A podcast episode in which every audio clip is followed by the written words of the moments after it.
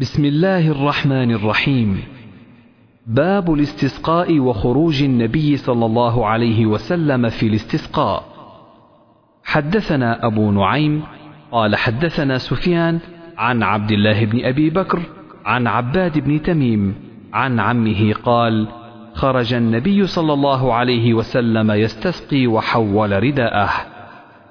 باب دعاء النبي صلى الله عليه وسلم اجعلها عليهم سنين كسني يوسف. حدثنا قتيبة حدثنا مغيرة بن عبد الرحمن عن أبي الزناد عن الأعرج عن أبي هريرة أن النبي صلى الله عليه وسلم كان إذا رفع رأسه من الركعة الآخرة يقول اللهم أنج عياش بن أبي ربيعة اللهم أنج سلمة بن هشام اللهم أنج الوليد بن الوليد اللهم أنج المستضعفين من المؤمنين. اللهم اشدد وطأتك على مضر. اللهم اجعلها سنين كسني يوسف. وأن النبي صلى الله عليه وسلم قال غفار غفر الله لها وأسلم سالمها الله. قال ابن أبي الزناد عن أبيه هذا كله في الصبح. حدثنا عثمان بن أبي شيبة قال حدثنا جرير عن منصور عن أبي الضحى عن مسروق قال كنا عند عبد الله فقال إن النبي صلى الله عليه وسلم لما رأى من الناس إدبارا قال اللهم سبع كسبع يوسف فأخذتهم سنة حصت كل شيء حتى أكلوا الجلود والميتة والجيف وينظر أحدهم إلى السماء فيرى الدخان من الجوع فأتاه أبو سفيان فقال يا محمد إنك تأمر بطاعة الله وبصلة الرحم وإن قومك قد هلكوا فادعوا الله لهم. قال الله تعالى فارتقب يوم تأتي السماء بدخان مبين إلى قوله عائدون يوم نبطش البطشة الكبرى. فالبطشة يوم بدر وقد مضت الدخان والبطشة واللزام وآية الروم. باب سؤال الناس الإمام الاستسقاء إذا قحطوا. حدثنا عمرو بن علي قال حدثنا أبو قتيبة قال حدثنا عبد الرحمن بن عبد الله بن دينار عن أبيه قال سمعت ابن عمر يتمثل بشعر أبي طالب وأبيض يستسقى الغمام بوجهه ثمال اليتامى عصمة للأرامل. وقال عمر بن حمزة حدثنا سالم عن أبيه ربما ذكرت قول الشاعر وأنا أنظر إلى وجه النبي صلى الله عليه وسلم يستسقي فما ينزل حتى يجيش كل ميزاب. وأبيض يستسقى الغمام بوجهه ثمال اليتامى عصمة للأرامل وهو قول أبي طالب. حدثنا الحسن بن محمد قال حدثنا محمد بن عبد الله الأنصاري قال حدثني أبي عبد الله بن المثنى عن ثمامة بن عبد الله بن أنس عن أنس أن عمر بن الخطاب رضي الله عنه كان إذا قحط استسقى بالعباس بن عبد المطلب فقال اللهم إنا كنا نتوسل إليك بنبينا فتسقينا وإنا نتوسل إليك بعم نبينا فاسقنا قال فيسقون باب تحويل الرداء في الاستسقاء. حدثنا إسحاق قال حدثنا وهب قال أخبرنا شعبة عن محمد بن أبي بكر عن عباد بن تميم عن عبد الله بن زيد أن النبي صلى الله عليه وسلم استسقى فقلب رداءه حدثنا علي بن عبد الله قال حدثنا سفيان قال عبد الله بن أبي بكر أنه سمع عباد بن تميم يحدث أباه عن عمه عبد الله بن زيد أن النبي صلى الله عليه وسلم خرج إلى المصلى فاستسقى فاستقبل القبلة وقلب رداءه وصلى ركعتين. قال أبو عبد الله كان ابن عيينة يقول هو صاحب الأذان ولكنه وهم لأن هذا عبد الله بن زيد بن عاصم المازني مازن الأنصار. باب الاستسقاء في المسجد الجامع. حدثنا محمد قال أخبرنا أبو ضمرة أنس بن عياض قال حدثنا شريك بن عبد الله بن أبي نمر أنه سمع أنس بن مالك يذكر أن رجلا دخل يوم الجمعة من باب كان وجاه المنبر ورسول الله صلى الله عليه وسلم قائم يخطب. فاستقبل رسول الله صلى الله عليه وسلم قائما فقال يا رسول الله هلكت المواشي وانقطعت السبل فادعوا الله يغيثنا. قال فرفع رسول الله صلى الله عليه وسلم يديه فقال اللهم اسقنا اللهم اسقنا اللهم اسقنا. قال أنس ولا والله ما نرى في السماء من سحاب ولا قزعة ولا شيئا وما بيننا وبين سلع من بيت ولا دار. قال فطلعت من ورائه سحابة مثل الترس فلما توسطت السماء انتشرت ثم أمطرت. قال والله ما رأينا الشمس ستا. ثم دخل رجل من ذلك الباب في الجمعة المقبلة ورسول الله صلى الله عليه وسلم قائم يخطب. فاستقبله قائما فقال يا رسول الله هلكت الأموال وانقطعت السبل فادعوا الله يمسكها. قال فرفع رسول الله صلى الله عليه وسلم يديه ثم قال اللهم حوالينا ولا علينا. اللهم على الآكام والجبال والآجام والضراب والأودية ومنابت الشجر. قال فانقطعت وخرجنا نمشي في الشمس. قال شريك فسألت أنسا أهو الرجل الأول؟ قال لا أدري. باب الاستسقاء في خطبة الجمعة غير مستقبل القبلة. حدثنا قتيبة بن سعيد قال حدثنا إسماعيل بن جعفر عن شريك عن أنس بن مالك أن رجلا دخل المسجد يوم جمعة من باب كان نحو دار القضاء. ورسول الله صلى الله عليه وسلم قائم يخطب. فاستقبل رسول الله صلى الله عليه وسلم قائما. ثم قال يا رسول الله هلكت الأموال وانقطعت السبل. فادعوا الله يغيثنا. فرفع رسول الله صلى الله عليه وسلم يديه ثم قال اللهم أغثنا اللهم أغثنا اللهم أغثنا. قال أنس ولا والله ما نرى في السماء من سحاب ولا قزعة. وما بيننا وبين سلع من بيت ولا دار. قال فطلعت من ورائه سحابة مثل الترس فلما توسطت السماء انتشرت ثم أمطرت فلا والله ما رأينا الشمس ستا. ثم دخل رجل من ذلك الباب في الجمعة ورسول الله صلى الله عليه وسلم قائم يخطب فاستقبله قائما فقال يا رسول الله هلكت الأموال وانقطعت السبل. فادعوا الله يمسكها عنا. قال فرفع رسول الله صلى الله عليه وسلم يديه ثم قال اللهم حوالينا ولا علينا. اللهم على الآكام والضراب وبطون الأودية ومنابت الشجر. قال فأقلعت وخرجنا نمشي في الشمس. قال شريك سألت أنس بن مالك أهو الرجل الأول؟ فقال ما أدري. باب الاستسقاء على المنبر. حدثنا مسدد قال حدثنا أبو عوانة عن قتادة عن أنس قال بينما رسول الله صلى الله عليه وسلم يخطب يوم الجمعة إذ جاء رجل فقال يا رسول الله قحط المطر. فادعوا الله أن يسقينا. فدعا فمطرنا فما كدنا أن نصل إلى منازلنا. فما زلنا نمطر إلى الجمعة المقبلة. قال فقام ذلك الرجل أو غيره. فقال يا رسول الله أدعو الله أن يصرفه عنا. فقال رسول الله صلى الله عليه وسلم اللهم حوالينا ولا علينا.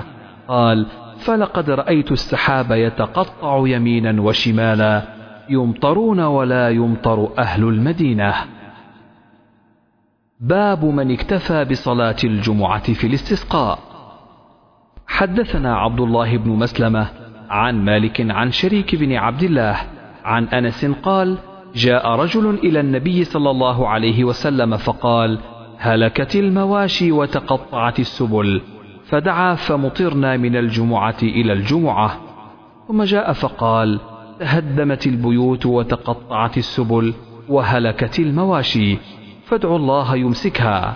فقام صلى الله عليه وسلم فقال اللهم على الآكام والضراب والأودية ومنابت الشجر فانجابت عن المدينة انجياب الثوب. باب الدعاء إذا تقطعت السبل من كثرة المطر. حدثنا إسماعيل قال حدثني مالك عن شريك بن عبد الله بن أبي نمر عن أنس بن مالك قال جاء رجل إلى رسول الله صلى الله عليه وسلم فقال يا رسول الله هلكت المواشي وانقطعت السبل. فادعوا الله. فدعا رسول الله صلى الله عليه وسلم فمطروا من جمعة إلى جمعة. فجاء رجل إلى رسول الله صلى الله عليه وسلم فقال يا رسول الله تهدمت البيوت وتقطعت السبل وهلكت المواشي. فقال رسول الله صلى الله عليه وسلم اللهم على رؤوس الجبال والآكام وبطون الأودية ومنابت الشجر فانجابت عن المدينة انجياب الثوب. باب ما قيل إن النبي صلى الله عليه وسلم لم يحول رداءه في الاستسقاء يوم الجمعة. حدثنا الحسن بن بشر قال حدثنا معافى بن عمران عن الأوزاعي عن إسحاق بن عبد الله عن أنس بن مالك أن رجلا شكا إلى النبي صلى الله عليه وسلم هلاك المال وجهد العيال فدعا الله يستسقي ولم يذكر أنه حول رداءه ولا استقبل القبلة. باب إذا استشفعوا إلى الإمام ليستسقي لهم لم يردهم.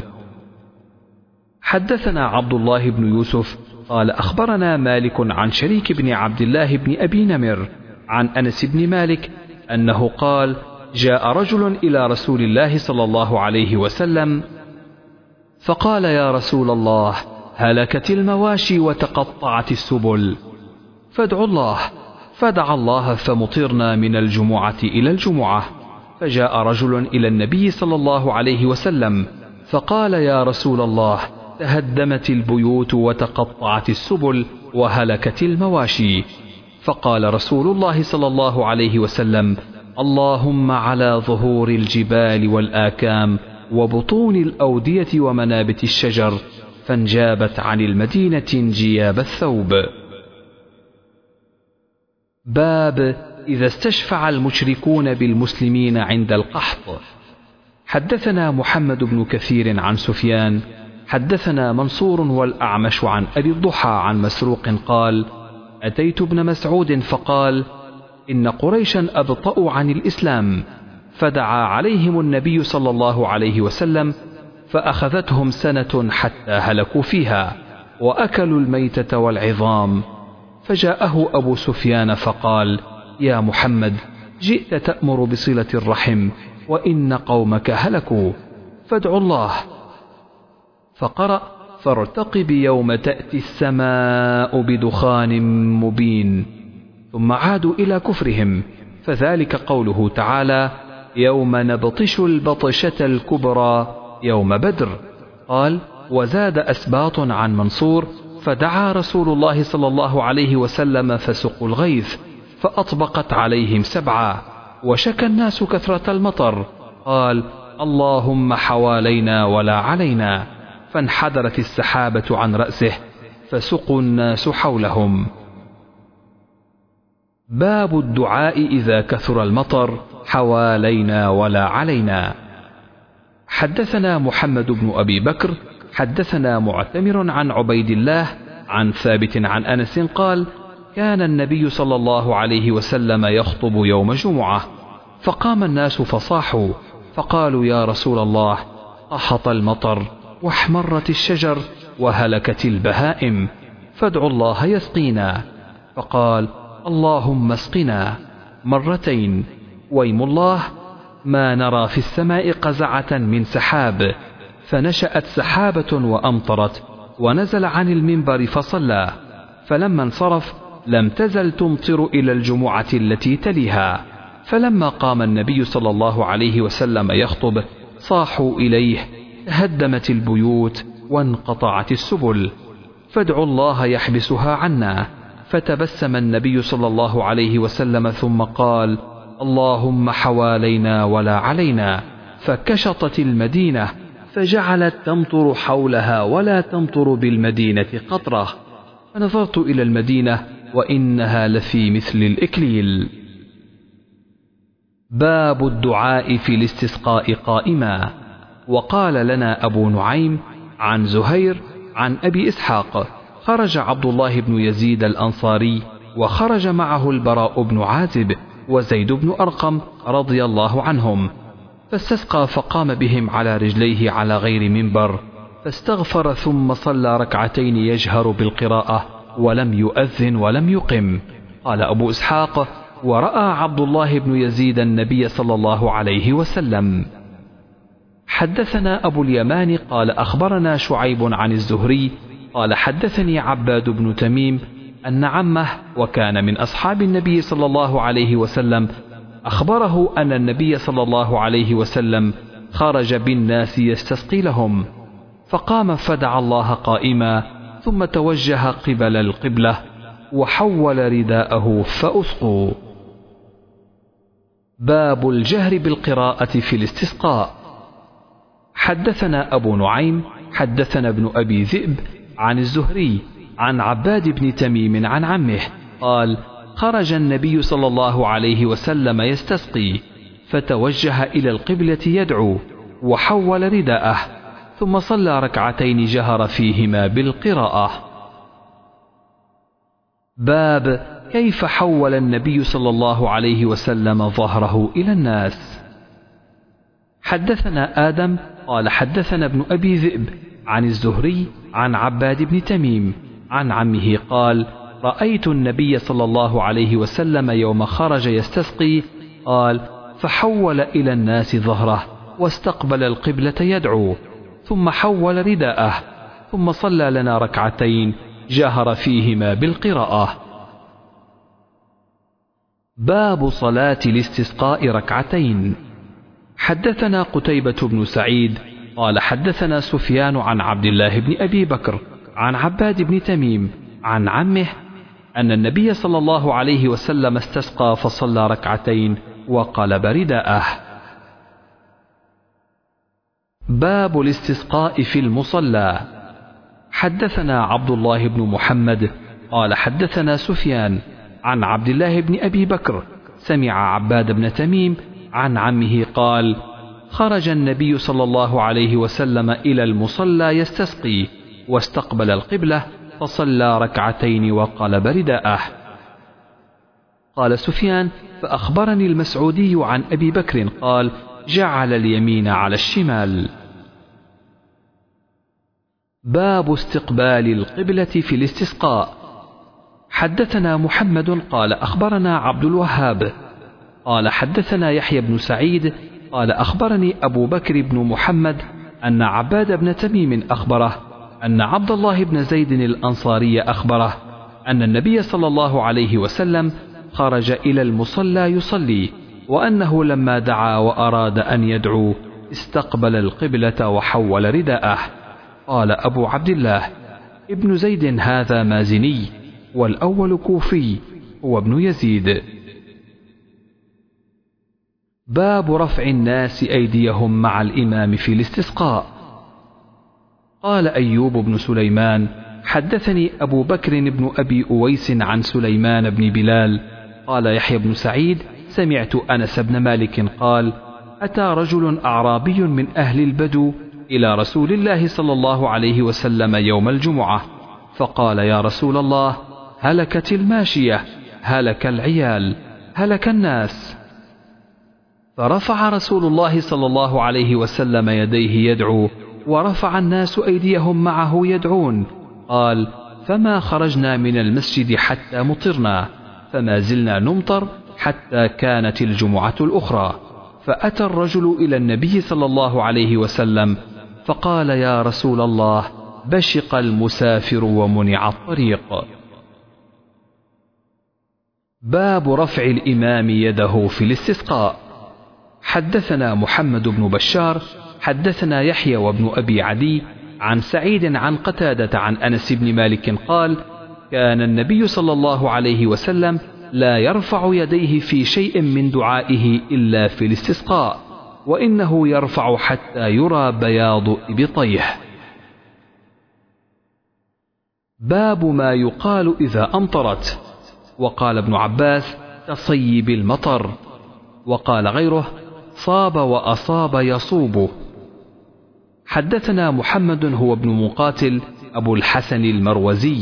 قال أخبرنا عبد الله قال أخبرنا عبيد الله عن نافع عن القاسم بن محمد عن عائشة أن رسول الله صلى الله عليه وسلم كان إذا رأى المطر قال صيبا نافعا تابعه القاسم بن يحيى عن عبيد الله ورواه الأوزاعي وعقيل عن نافع. باب من تمطر في المطر حتى يتحادر على لحيته.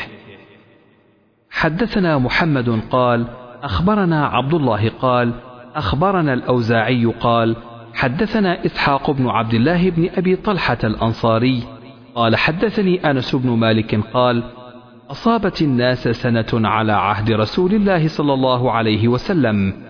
فبين رسول الله صلى الله عليه وسلم يخطب على المنبر يوم الجمعة قام أعرابي فقال يا رسول الله هلك المال وجاع العيال فادعوا الله لنا أن يسقينا.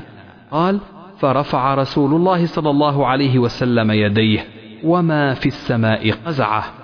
قال فثار سحاب أمثال الجبال ثم لم ينزل عن منبره حتى رأيت المطر يتحادر على لحيته. قال فمطرنا يومنا ذلك وفي الغد ومن بعد الغد والذي يليه إلى الجمعة الأخرى. فقام ذلك الأعرابي أو رجل غيره فقال يا رسول الله تهدم البناء وغرق المال فادعوا الله لنا. فرفع رسول الله صلى الله عليه وسلم يديه وقال اللهم حوالينا ولا علينا. قال فما جعل يشير بيده إلى ناحية من السماء إلا تفرجت حتى صارت المدينة في مثل الجوبة حتى سال الوادي وادي قناة شهرا.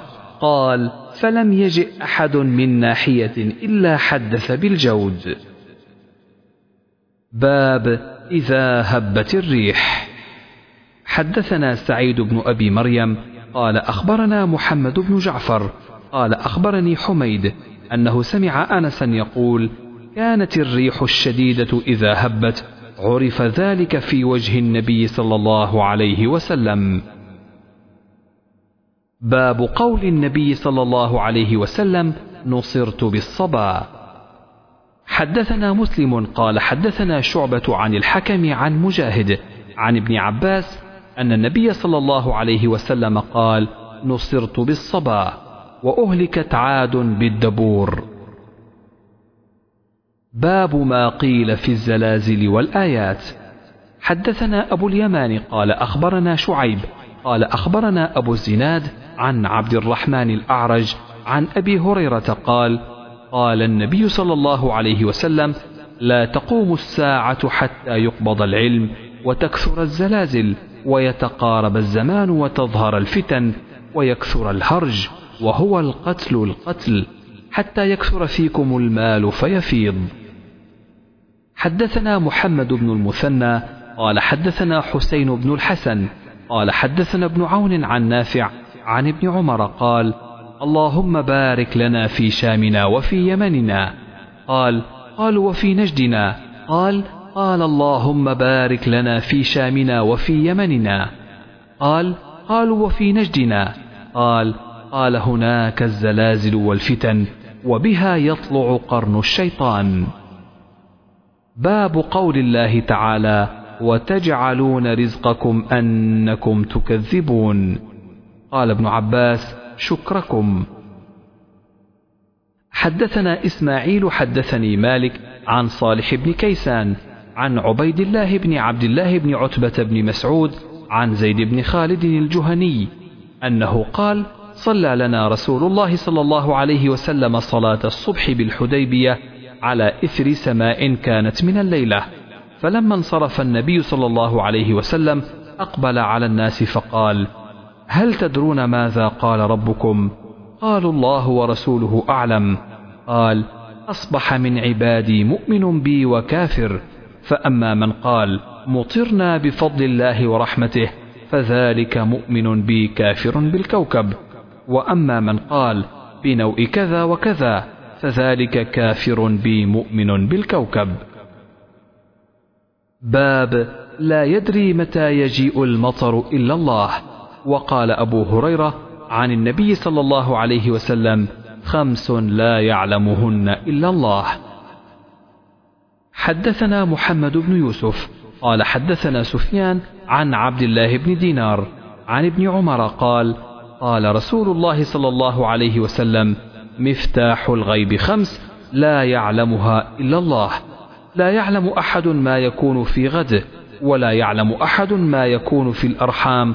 ولا تعلم نفس ماذا تكسب غدا وما تدري نفس بأي أرض تموت وما يدري أحد متى يجيء المطر.